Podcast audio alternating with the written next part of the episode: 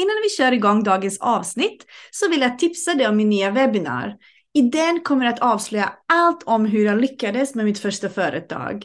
Kom och se vad jag gjorde rätt och lär dig av mina misstag. Du kan boka din plats helt gratis på min hemsida envisare.se. Vi ses där!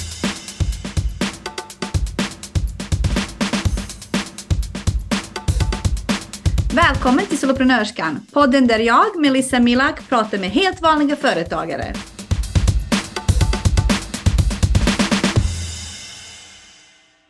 Idag vill jag säga välkommen till Jenny Jonsson. Eh, välkommen till Soloprenörskan, den här nya podden som jag nu har dragit igång. Ja, den här nya fantastiska podden. Tack så jättemycket Melissa, kul att få vara här. Vi får hoppas att den blir fantastisk med tiden, men nu är det lite ni första får vara lite övningsklienter så att säga. Ja, det känns ju skönt, tryggt. ja, jag tänker att jag vill prata med dig eftersom du jobbar med det här med webbshops, eh, har onlineföretag. Så jag tänkte det hade varit kul för de flesta här i gruppen att höra hur det funkar. Men jag vill också höra varför du startade eget, hur det, hur det hela började. Ska vi, ska vi börja först att du presenterar dig? Mm.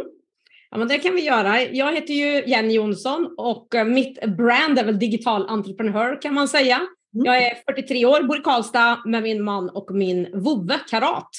Eh, det jag gör i mitt företag och har gjort de senaste två och ett halvt åren ungefär, det är att lägga fokus på kvinnor som ska komma ut på nätet, börja sälja online, hur man börjar dra in pengar online helt enkelt med e-handel. Så att jag hjälper till med starta, utveckla e-handel och till viss del också marknadsföring, prissättning och sådana saker. Så i grunden så är det det som jag gör.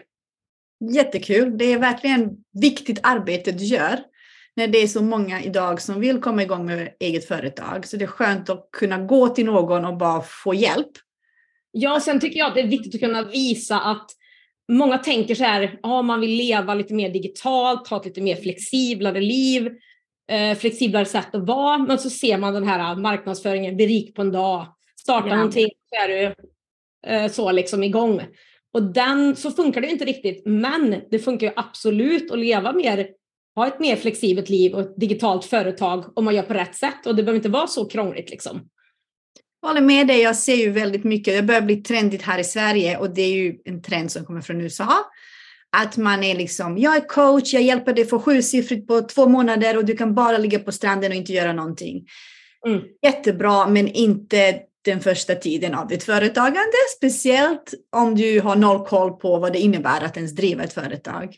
Alltså mm. det är inte omöjligt långsiktigt, men inte de första två månaderna. Så jag tycker ändå att det är jättebra. Och det är därför jag gillar dig också, för du är konkret, du ger fakta, du förklarar, du visar så att man faktiskt kan komma igång väldigt, väldigt snabbt på rätt sätt. Ja, och det var ju lite så jag kom igång och startade också. Att när jag startade min första webbshop för tio år sedan så fanns det inte så mycket konkret hjälp, utan det var liksom lite så här, Eh, det är klart, det var liksom mest snack om vilken teknikplattform man skulle ha och hur många teknikval man skulle ha och eh, inte så mycket om själva affären, vilket är liksom grunden. Har du inte lönsamhet idag när fler och fler startar e-handel, men då har du ju inte en chans ärligt talat. Så du måste liksom ha en bra grund som i vilket annat företag som helst. Så när jag startade så satt jag och googlade och gjorde så jädra mycket fel, ärligt talat, hur mycket som helst. Så... Men kan vi, ska vi börja där? Oj då! Ska vi börja där? Ja. Så där sitter du en dag och bara, åh, jag skulle vilja starta eget. Eller hur, hur började det? Hur kom den idén, tanken? Ja, nej men jag tror liksom, jag hade sån här UF-företag på gymnasiet och jag, vill aldrig, jag har inga företagarföräldrar, inget sånt runt mig, men ändå lite det här har fått hjälpa mamma och pappa med lite så trygghet runt om. Vi säljer jordgubbar, vi hjälper er, vi delar ut reklam med lite den här företagsamheten. Sen så mm. startade jag UF-företag, det var ingen häftig grej men ändå kände att mm, styra lite. Vad gjorde du? Eh, jag tror att vi gjorde fruktkorgar och levererade ut till företag och företagsgåvor och sånt där som vi packade och fixade liksom. Så vi hämtade typ 50 laxar i bagageluckan på någon förälders bil och körde ut och packade någon order eller någon liksom jullåda till något företag och sådär. Så man fick ju verkligen lära sig att ja, men, fundera, tänka, sälja, ta ansvar och sådär. Jag hade också ju företag. Ja, vad gjorde du då? Vi gjorde disco för lågstadiet. Nej, vilken bra idé! Den hette Be Happy. Härligt. Så jag var VD redan då. Ja, alltså det förstår jag. Det var ingen annan i ditt bolag som kunde vara VD än dig i alla fall. Nej, faktiskt inte. Så jag fick styra upp det hela. Men det var, vi hade jättekul. Vi sålde godis och popcorn och vi var ju på UF-mässan mm. med, med det här. Så det var jättekul. Ja, men jag håller med. Jag tror vi blev näst bästa företag i Värmland, där jag kommer ifrån, åkte till SM. Det var väl ingen eh, fruktkorgshit där. Mm. Eh, men sen så skrev jag också, vi hade någon Oxford-tentamen, det var typ hur att driva mm. företag på engelska. Så okay. den vann jag här i Värmland och vann resa i ja, 12, eh, eller 9 dagar tror jag det var till Kanada. Så jag åkte med 12 andra svenska ungdomar dit och hängde där borta i 12 dagar eller någonting. Så det var fantastiskt kul. Det var roligt. Vi hade inga sådana ambitioner. Vi hamnade inte på några listor. Vi bara sålde lite popcorn och hade fest. ja, men så härligt. Och det, det, är väl typ där någonstans. Jag pluggade vidare och läste och liksom hade väl en tanke på att jag vill ha eget. Men sen blev jag efter skolan, jag tror jag var 23, så blev jag regionchef för just Ung Företagsamhet i Värmland. Eh, och var där i ganska länge egentligen, i åtta år. Så vi gick från en till åtta anställda, blev bäst i Sverige, ökade elevantalet e-, enormt mycket. Mm. Så där fick jag väl egentligen testa och jobba mycket med just det där med företagande och se alla de här vara ute, hjälpa dem, stötta dem. Och det var inte så att inte det blev, vad ska man säga, mindre suget då på att starta eget. Men jag tror liksom så här att nej, men jag fortsatte där. Efter det så blev jag vd för ett eh, bokförlag med ledarskaps och projektledningslitteratur. Jag visste ju inte egentligen kanske att de hade tänkt att jobba upp det och sälja av det. För men, säg knappt ett år bort så blev Liber intresserade och köpte upp det och då blev jag liksom utanför kan man säga. Jag hade inget kvar av det. Och jag visste inte att de skulle göra det. Så att då satt jag där och tänkte, men nu har jag pratat om att starta företag. Jag vill starta företag jag har ju ingen lön om någon månad, men vad fasiken gör jag? Mitt jobb, mina mm. tidigare jobb var bara att skapa kontakter. Ung Företagsamhet bygger ju mycket på sponsring, så jag hade jobbat jättemycket med sponsring, med att skapa nätverk med företagschefer i Värmland. Så jag tänkte, någon måste väl ha lite hjälp av lilla mig någonstans. eh, så, Men visste, så du, visste du vad du ville göra i ditt företag? Visst, var det bara så här tanke, nu är det dags att starta eget? Eller hade du redan idé om vad du vill göra? Jag tror att från att gå från natur på gymnasiet, där jag trodde att jag skulle bli veterinär, till att hamna mer åt marknadsföring och projektledarhållet på universitetet, där jag läste fyra år, så kände jag nog att det är däråt mina specialistkunskaper ligger. Kommunikation, marknadsföring, försäljning.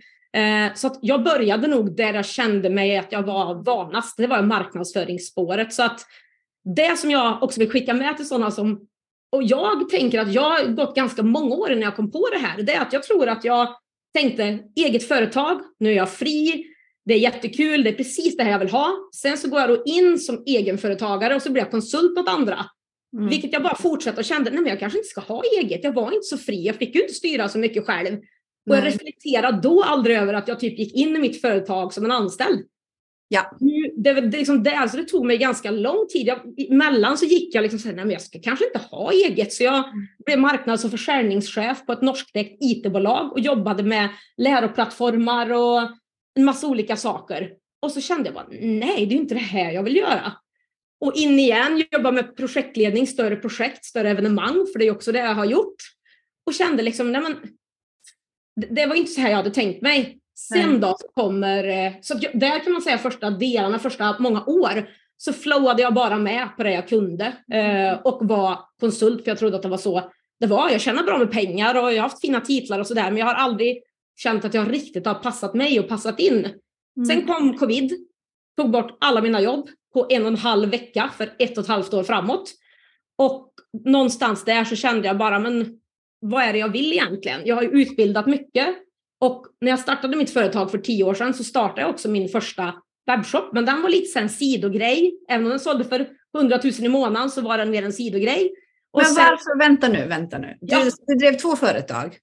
Ja, de är, ligger i samma varför? företag, men ja. Ah, jo, men en, två liksom inriktningar. Ja. Men varför hade du en webbshop? Var kom den idén ifrån? Jag tror ett halvår in i företagandet så jag hade alltid varit intresserad av marknadsföring och försäljning och jag gillade den här digitala delen där man fick styra själv. Man kunde lägga upp någonting en gång, sälja och det kändes lite kreativt, kanske få packa eller göra lite sånt där. Så att där egentligen började den och det var Hundbolaget Sverige, hette den. Eh, och jag har ju en hund som är en rottis, som är rottweiler, som är tränings och tävlingskompis till mig. Och när jag eh, skulle köpa produkter till honom för träningen så var det många som hade så här hemmagjorda, en pinne med en plastkopp på, för då tränar man dem och går rakt framåt. Jag bara, var hittar jag en pinne med en plastkopp då? Ja, det vet jag inte riktigt. Och så bara, okej, okay, men den där leksaken som du har, nej, den har jag importerat från USA. Okej, okay, så då börjar jag titta, liksom, det finns ju inga av de här roligare, annorlunda sakerna som funkar för en aktiv hund och kanske saker som håller och är, mm. är kul. Så där bara en dag så kom jag på, men varför kan inte jag sälja det då? Jag tycker det är jättebra det här som du ser nu, för att du upptäckte ett problem. Ja. Och du bara, jag ska lösa det här problemet. För du mm. såg att det fanns ett behov av de här sakerna. Och det fanns inte på den svenska marknaden. Och det är lite så man får tänka också att när man ska starta eget, om man inte vet vad man vill jobba med. Antingen, alltså du har ju två, två förslag här. Antingen gör man det man kan och mm. man får börja där och få testa sig fram och lära sig.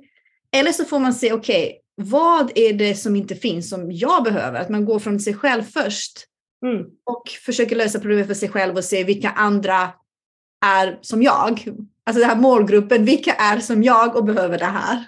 Ja, och jag tror att det här är det nog många som går lite fel också. Jag tänker en av de vanligaste sen, myterna jag hör inom e-handel och säkert inom företagande också, det är ja, men någon annan gör ju redan det jag vill göra. Mm. Ja, marknaden inom situationstecken för er som lyssnar på podden är full och nej, jag kan inte göra det här för jag har ingen unik idé. Ja, men 99% 99,99 procent har ingen unik idé. Jag har försökt att sälja unika produkter versus produkter som är kända på marknaden och som är bevisat att de säljer. Eh, och det är så mycket enklare att sälja de produkterna som vi vet att kunder vill ha och att ja. man hittar en liten vinkel på det istället. Mycket enklare att sälja hundprodukter med en bra vinkel än nästa webbshop som jag startade sen som var eh, där jag tog fram egna smyckesbrickor som inte fanns på det sättet i Sverige. Mycket svårare, för då måste man mm. förklara för folk vad är en smyckesbricka, varför ska du ha den istället för det här traditionella en hundsak vet de redan, då kan man bara gå direkt in och säga den här är bättre på grund av, så köp den här. Så jag tycker bara att försöka stryka det där helt och hållet, att det måste vara en unik sak. Utan som du säger, vad är du bra på? Vad kan du? Hur kan du förpacka det? Och sen, vad finns det för behov som folk är villiga att betala för? Och förbättra, förfina från någon annan. Kunna svara på varför vill man köpa mig istället för de andra? Och sen har man ju en affärsidé och ett företag. Mm. Och jag tänker så här, man ska ha skillnaden på ett unikt erbjudande och en unik affärsidé. Jag tror det är det folk blandar ihop.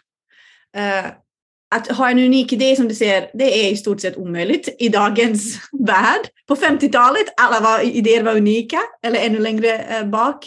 Mm. Uh, men ändå att sticka ut, att hitta en, sin nisch, att hitta något som du hade med, det fanns ju hundleksaker, inte så att det inte fanns hundleksaker i Sverige, men det fanns inte den typen av leksak som behövdes för den typ av träning, för den typ av hund.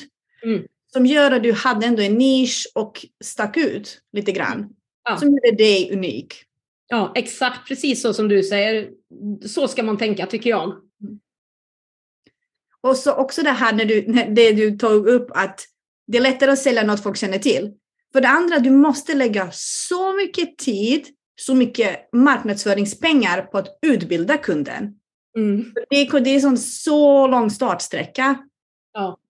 Så att ja. absolut, vill man komma igång snabbt så är det bättre att sälja sånt som finns på marknaden, men hitta sitt sätt att sticka ut.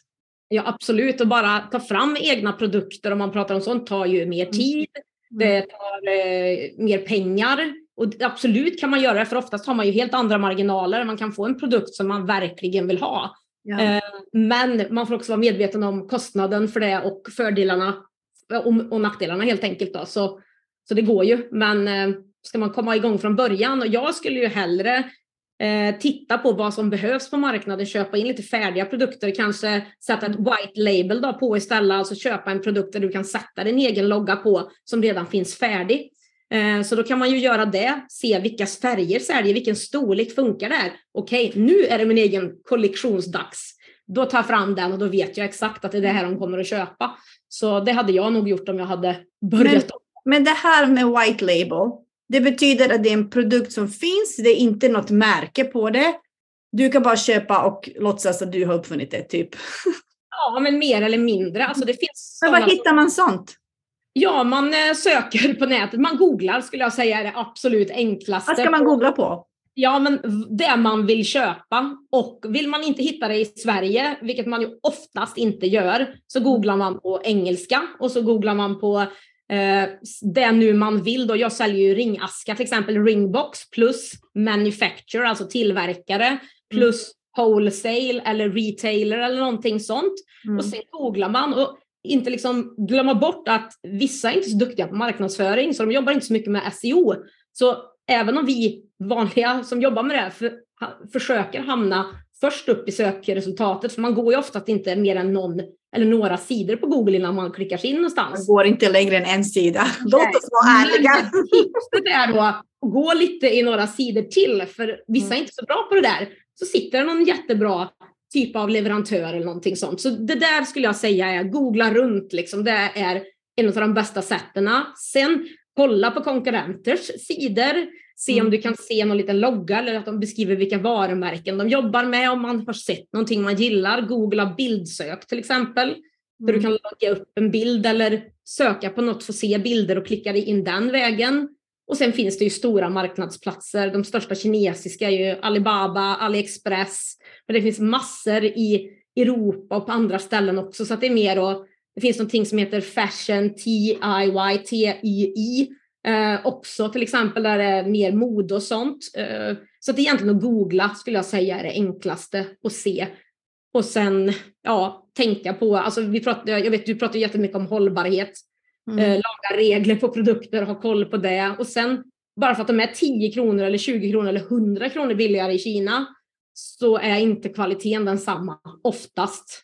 Köper du 100 produkter i Kina och 100 produkter av en svensk leverantör så är ofta min bild av det jag har köpt att då får man inte kanske 100 produkter man kan använda utan det är lite hipp som happ ibland. Varav i Sverige, då får man ju 100 produkter som man kan använda. Annars kan man höra av sig och säga, hörru du, det var en som var trasig. Jag löser det, den kommer imorgon. Mm. Så det plus att man måste tänka på att frakten därifrån kan ju, och tull och allt sånt här kan ju addera på. Så det som såg ut kostar 10 kronor kan kosta 100 kronor. Okay. Så frakt och tull är så pass dyrt att det, det blir ganska mycket? Ja, och det är det tunga saker att skicka så är det nästan alltid att man får skicka till exempel från Kina med båt. Eh, de kan ju fastna i Suezkanalen och ta jättelång tid. Ja, det minns vi! När, båt, när den här båten hamnade på sned. Ja, exakt en sån grej och det kan ju ta flera månader att få hem grejerna och det är inte alltid det funkar heller. Men skickar du med flyg så är det så mycket dyrare. Funkar om du har mindre förpackningar, kanske sånt som inte väger för mycket. Men ja, så att bara kolla att det verkligen lönar sig och att det funkar. Det är inte bara produktens pris man ska stirra sig blind på för då tror jag man går lite snett sen när man ska prissätta och ta betalt och så. Okej, så jämföra allt möjligt mot vilka fabriker eller vilka tillverkare finns i Europa och Sverige och är det verkligen bättre och billigare att importera från Kina till exempel? Ja, och då tänker ju många, ja men dropshipping då har man ju hört, eller print on demand, där man inte äger produkterna själv. Alltså då måste man ju hitta, alltså det någon tillverkare i Kina till exempel, ofta är det ju, som skickar den åt dig direkt till din kund ja, men då behöver du ha koll på hur ser reglerna ut, hur ser skatten ut, hur ser momsen ut. Eh, alltså, du får inte bestämma hur det ser ut heller. Det som de skickar, de har, använder inte ditt packmaterial. Nej. Och det, det, här, jag måste bara ja. flika in här. Det här är en sån irritationsmoment för mig. Så fort jag hör dropshipping så får jag allergiutslag. Och det är inte för att dropshipping i sig är en dålig idé, utan för att jag ser så mycket i de här grupp, starta eget-grupper, folk som vill lura dig, som är så här, dropshipping, du, kan, du behöver inte göra någonting, du, du behöver bara ha en hemsida och sen kommer du bara tjäna pengar och ligga på stranden återigen. Mm. Men eh, för det första, hur ska folk hitta till din hemsida om vi börjar där? Exakt. Så det, är, alltså, du vet, det finns ju inget ligga på stranden när det gäller företagande, inte i början.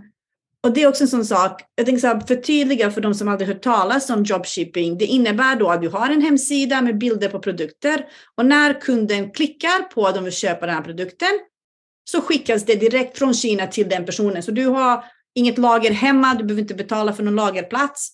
Men som Jenny säger, du bestämmer inte hur varan, du kan inte kolla om varan är bra. Du, det är en sån här billig plastförpackning som det är inte snyggt, det är inte från dig, det är inte ditt varumärke.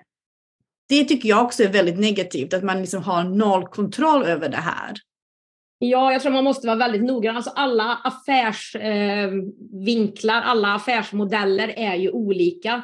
Och här är det ju någon annan som äger produkten, packar och skickar den. Men tittar man, alltså det är väldigt svårt att ta en retur till Kina. Så mm. du får ju tänka på att du ofta då får hantera ruti, äh, returer hemma. Och sen är det som du säger, alltså hur ofta blir det liknande produkter? Det fortfarande gäller, oavsett vilken produkt du säljer, varför ska jag köpa den av dig? Hur, mm. hur hittar du dig? Du måste alltså vara duktig på marknadsföring. Mm. Um, och många sitter ju mycket med annonsering. Vill man ha den typen av företagande där man kanske mer sitter och annonserar och tittar på return on investment om man har hört ROI några gånger på annonserna, hur mycket man får tillbaka och liksom jobba med det. Jag tycker den typen av företagande är kul. Var medveten om det och se till att ha produkter med bra marginaler så att man inte tjänar väldigt lite.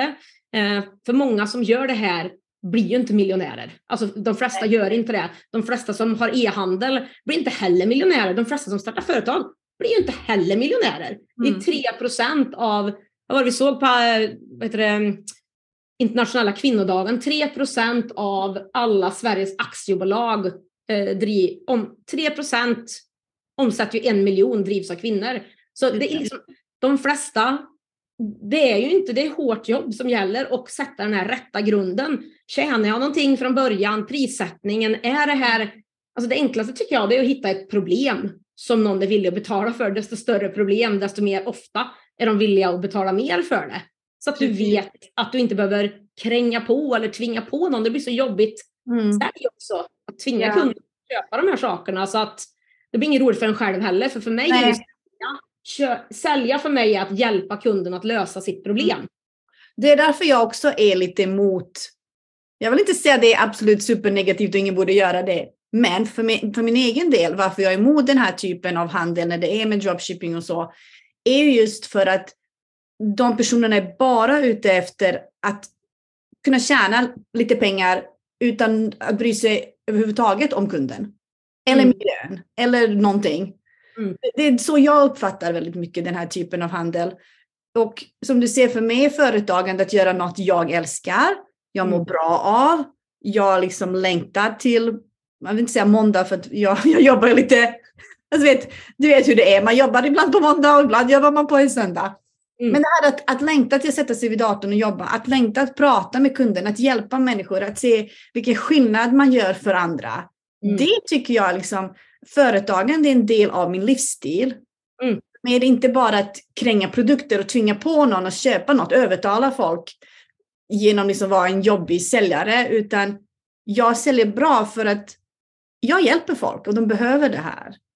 Ja, och det tror jag vi är lika. Vi har ju liksom startat våra Alltså envisare digital entreprenör för just det där. Absolut, det hjälper våran egen livsstil för att det är väldigt digitalt. Men framför allt så får man ju hjälpa andra och ta sig förbi de här sakerna, bygga dem, utveckla dem och det är det som är det viktiga. Och då, alltså det är därför jag tror det är så viktigt också när man startar företag eller när man driver att fundera på det här, men, ditt varför som kan kännas lite uttjatat men så ändå viktigt.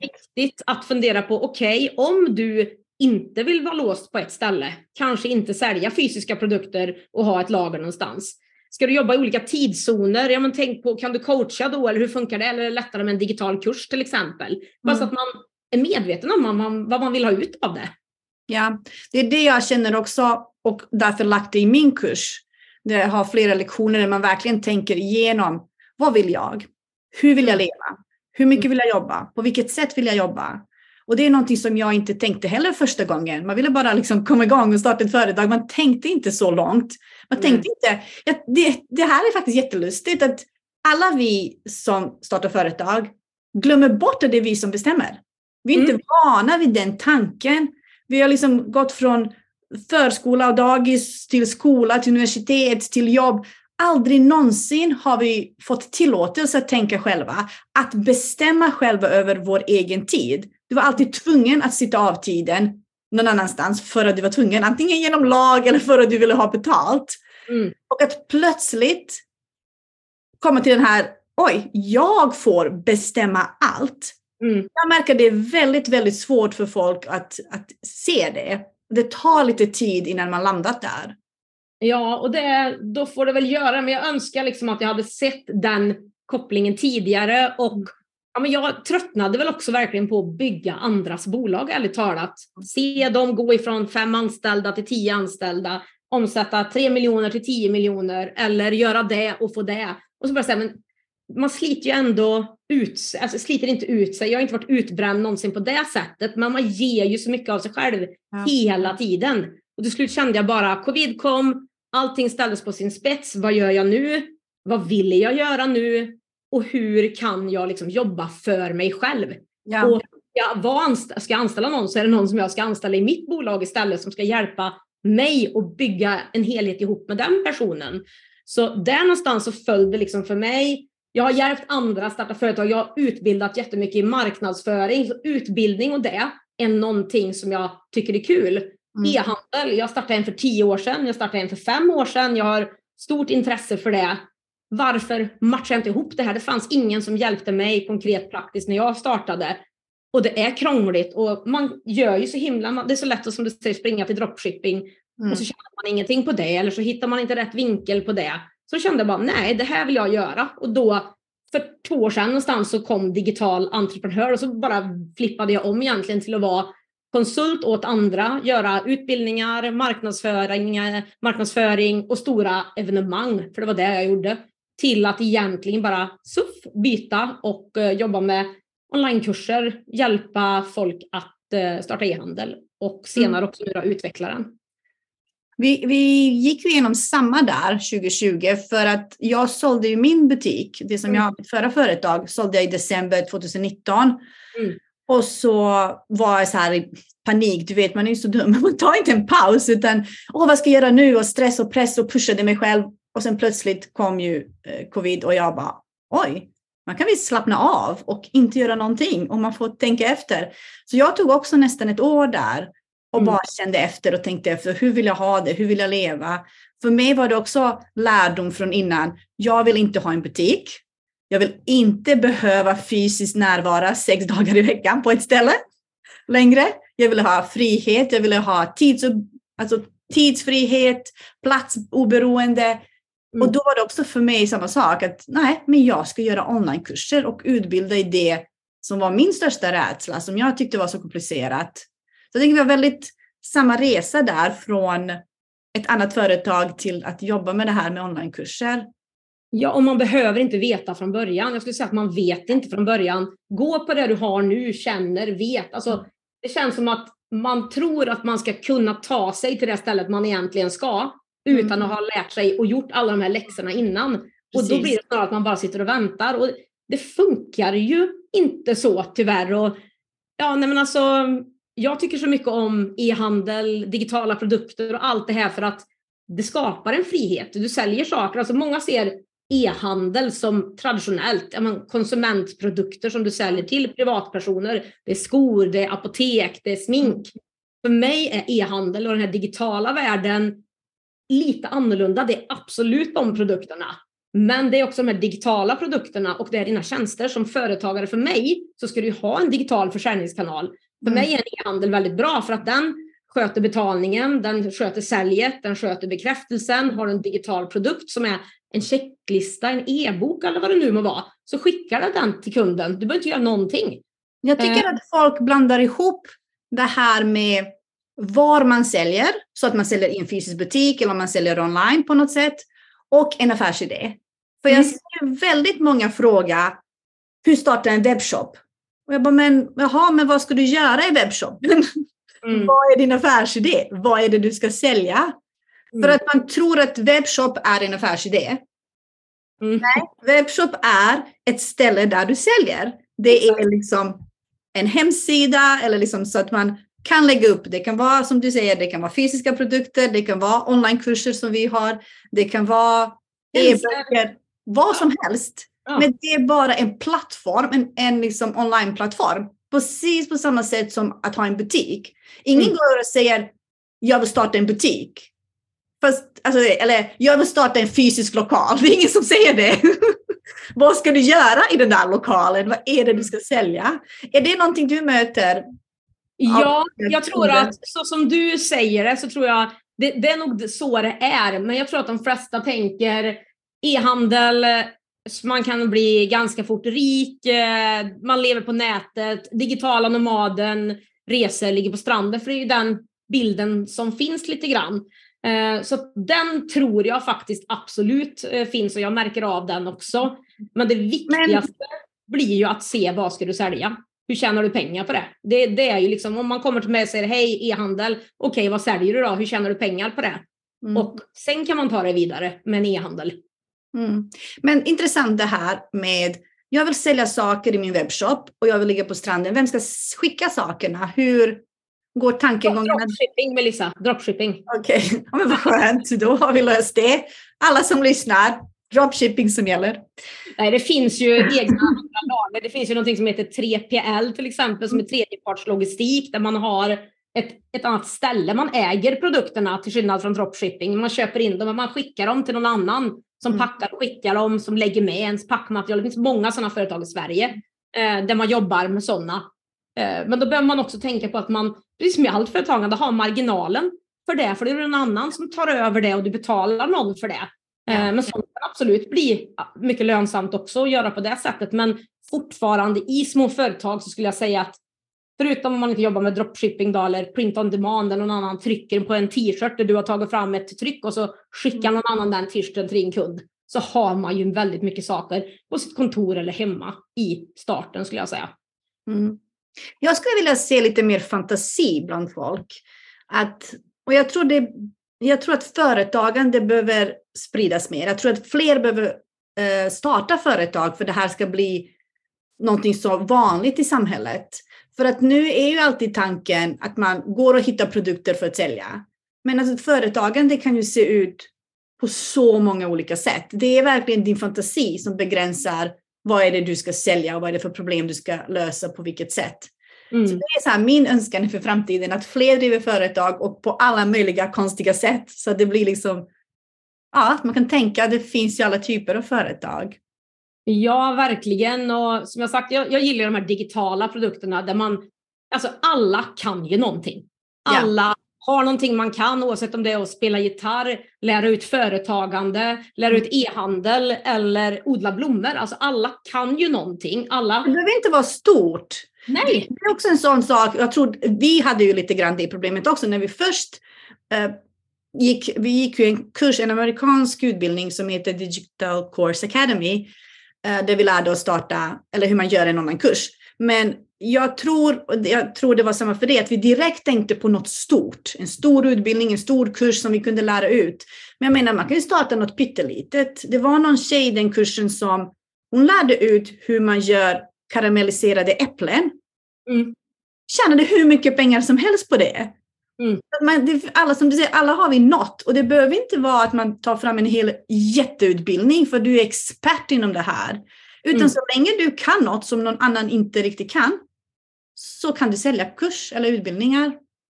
Ja, absolut. Och jag tänker på min, jag har startat tre webbshoppar. Den tredje webbshoppen är kopplad till digital entreprenör och det är liksom digital entreprenörshop. Det är en e-handel för e-handlare, eh, mm. konstigt nog.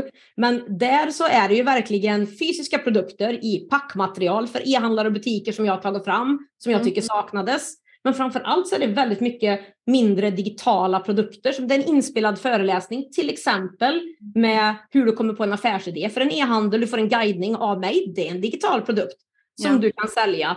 Du kan ta en annan del så pratar jag kanske om hur du väljer packmaterial och vart du hittar dem. En liten e-bok. En mm. e-bok i hur du hittar affärsidéer. Så liksom, det kan vara så mycket olika på den här resan och jag brukar se det liksom som så här starten. Vem är min kund från början? I ena änden och i andra änden så är det vart vill den nå? Mm. Och vilka steg kommer den behöva ta från att kanske ha ett företag, eh, som mig själv kanske var konsult, vill förflytta mig till att vara helt digital i mitt företag. Eller gå ifrån att ha ett jobb som man inte tycker om och i den här änden så vill man leva på ett helt digitalt företag med en e-handel. Och då funderar jag på vad, vilka saker och vilka problem möter den här personen på den här resan? Och vilka saker kan jag hjälpa den med? Mm. Och ett problem här kan vara en e-bok eller en liten digital kurs som är fem mejl eller en inspelad föreläsning eller en fysisk produkt. Men alltså problemet här borta kan vara någonting mycket, mycket större som är i en kurs eller i coaching eller i en liveföreläsning. Så jag försöker liksom titta hur gör jag det här och hur kan jag fortsätta att hjälpa den här kunden så att jag kan få dem att komma till sitt resultat. Och mm. hur kan jag få kunden att fortsätta vara kund hos mig längre? Mm. För då går det ju bättre för mitt företag också.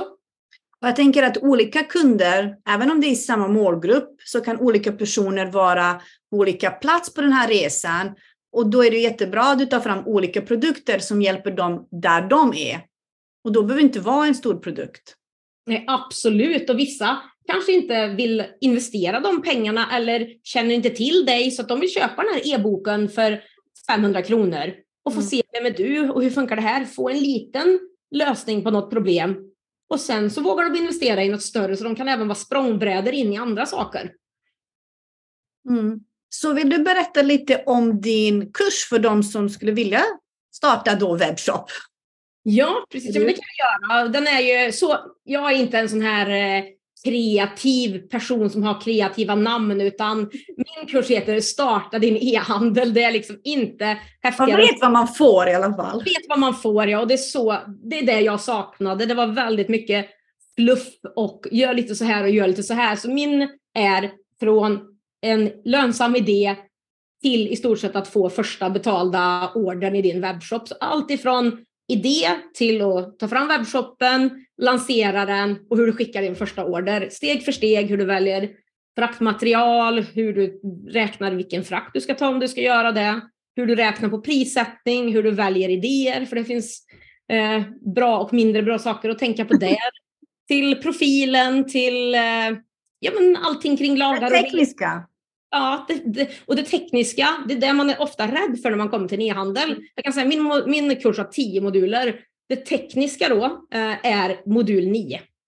Yeah. För det är en plattform att sälja på och det är inte så avancerat. Så det går jag igenom steg för steg. Jag verkligen filmar min skärm och visar, tryck här, skriv så, gör det. Så det ska vara, du ska inte kunna göra fel verkligen. Och sen hur du jobbar med, som jag tycker är viktigt med e-handel, Många liksom tänker ju shit, jag måste bygga den här, jag måste skriva de här texterna och sen glömmer man helt och hållet marknadsföringsdelen. Ja. Lägger man ut någonting som ingen annan vet kommer och så förväntar man sig att man får ordrar. Så att därför jobbar jag väldigt mycket med förlansering och bygga en målgrupp och bygga ett behov och sen en lansering då som ska vilja få folk att handla. Så det kan man väl säga är hela mm. den här kursen. Och egentligen är det, om jag, om jag tänker på det jag lär ut alltså jag lär ju ut företagande överlag och det är egentligen mycket av samma sak. Ja. Nu kommer jag ju ha webbinar nu på söndag och sen ja, nästa vecka. Mm. Och där kommer jag faktiskt avslöja vad jag gjorde rätt i mitt eget företag, det första företaget. Och det är just det här att marknadsföra sig långt mm. innan någon ens, innan du ens har börjat liksom bygga ett företag.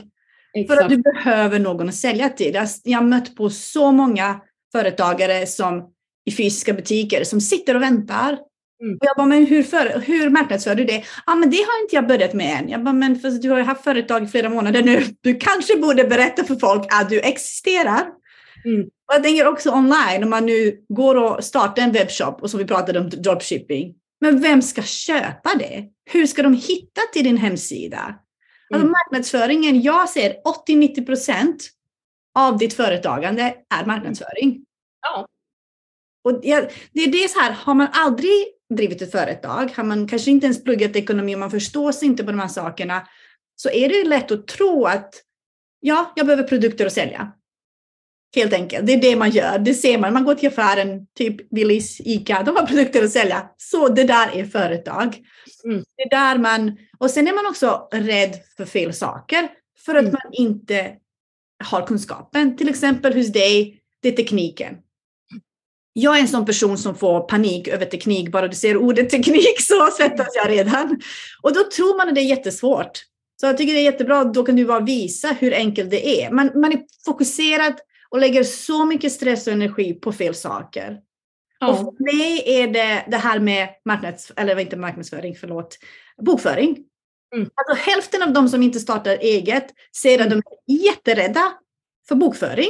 Man bara, men vad exakt är du rädd för? Du anlitar någon för 500 i månaden, den personen gör allt åt dig. Färdigt. Kan vi fokusera på att du ska sälja här borta? Mm, exakt. Det är liksom exakt, jag håller med. fel rädsla. Ja, nej, men jag håller verkligen med dig. Och det där blir ju ett problem. Och när jag ser en e-handel så för mig är det liksom en fysisk butik som du lyfter ut, du kör iväg den mm. ifrån en gågata eller ifrån ett köpcenter där det liksom finns folk som faktiskt hittar dig. När vi är på nätet så funkar det inte så, det är ingen som går Nej. förbi. Så att jag tänker, om du tar den här butiken, kör ut den långt ut i de värmländska skogarna, släpper ner den där, öppnar dörren och tänker att dina liksom, ideala kunder ska gå förbi med plånboken öppen, redo att köpa. Det är ungefär så det blir då. Och jag hörde liksom någon, jag lyssnade på något webbinar eller vad det var för några dagar sedan, eller om det var någon vecka sedan, som jag tyckte hade så bra, tänkte så bra. Han sa liksom som att om man inte har bearbetat folk innan så är det typ som att gå in till någon på en bar, alla är lite fulla, komma upp med en ringa och säga “Will you marry me?” liksom. Och det är så här, kommer du svara ja? Nej, troligtvis inte. Utan när man kanske blir friad till av sin partner, om det är en hon eller han, så när man får frågan “Ska vi gifta oss?” Så tittar man tillbaka på den upplevelsen man har haft med den personen, moment vi har delat, speciella stunder, vad jag har lärt mig, hur vi är och så ser jag på det och så ser jag, vill jag ha det här framåt? Yeah.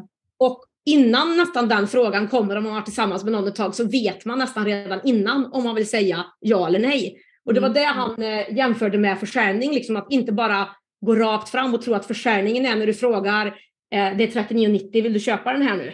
Ja. Utan det är allt du har gjort och byggt och tagit bort liksom, frågetecken och hjälpt dem. Det är det som kommer få dem att, resan ihop innan, kommer mm. få dem att vilja köpa grejerna. Så det är verkligen viktigt att göra det. Och mm. inte bara välja bort det för att marknadsföring känns lite krångligt. Alltså är vi företagare, är vi e-handlare så är vi marknadsförare oavsett om vi vill eller inte. Så Absolut. är det. Och jag tror också varför folk är rädda för sälj är för att de inte kan marknadsföring. För mm. har du gjort förarbetet med marknadsföringen, har du gjort den här kundresan där ni har umgåtts och du har, de vet vem du är och vad du gör och varför de behöver det här, mm. då är det inte svårt att sälja. Då ser du bara, här är den, varsågod. Men har man inte gjort den resan och ska ställa sig framför någon och säga, här, varsågod, här köp den här, då blir man ju rädd och nervös såklart. Och det är det som gör att folk är rädda för just sälj. För att ja. man ser inte att det här är bara slutet på en lång resa. Nej, precis som du säger, liksom att man behöver ju ha gjort saker fram tills dess tillsammans och att för mig så är det verkligen så här, försök inte bara kräng saker och sälj mm. saker. Lös folks problem. Då betalar de gladligen för att få det problemet löst. Och då blir sälj lika med hjälp folk. Och då blir det så mycket enklare, roligare, mer lönsamt för dig och det blir roligare för kunden. Mm. Så är det. Så är det ja. ja, så är det. Lös problemen. Jag funderar på vad jag ska fråga dig mer. Det är svårt för mig som känner dig. Nej då. Nej, vill folk veta mer? Något mer så skulle jag vilja tipsa eftersom vi sitter i, nu sitter vi inte riktigt i en podd, vi har ju lite video också samtidigt, men för er som lyssnar på poddar så vill jag tipsa om min podd som heter Digital Entreprenörpodden som är ja, men hälften av gångerna så är det jag som lär ut något konkret praktiskt eh, på värmländska och de andra gångerna så intervjuar jag någon eh, som har gjort resan och som kanske precis har kommit igång och som man kan ta inspiration av. Så är det som man vill kolla, lyssna på inspiration om företagande, framförallt e-handel, digitala mm. produkter och marknadsföring, så lyssna på den och eh, se vad ni tycker. Kan du säga en gång till vad den hette? Digital entreprenör, som hon, fast på engelska, podden. Yes. Och så vill jag veta om man nu vill starta e-handel och man känner så här, men Jenny hon är så härlig, jag vill att hon ska lära mig allt steg för steg så att jag kan komma igång med den här webbshoppen. Var, hur kan man gå din kurs?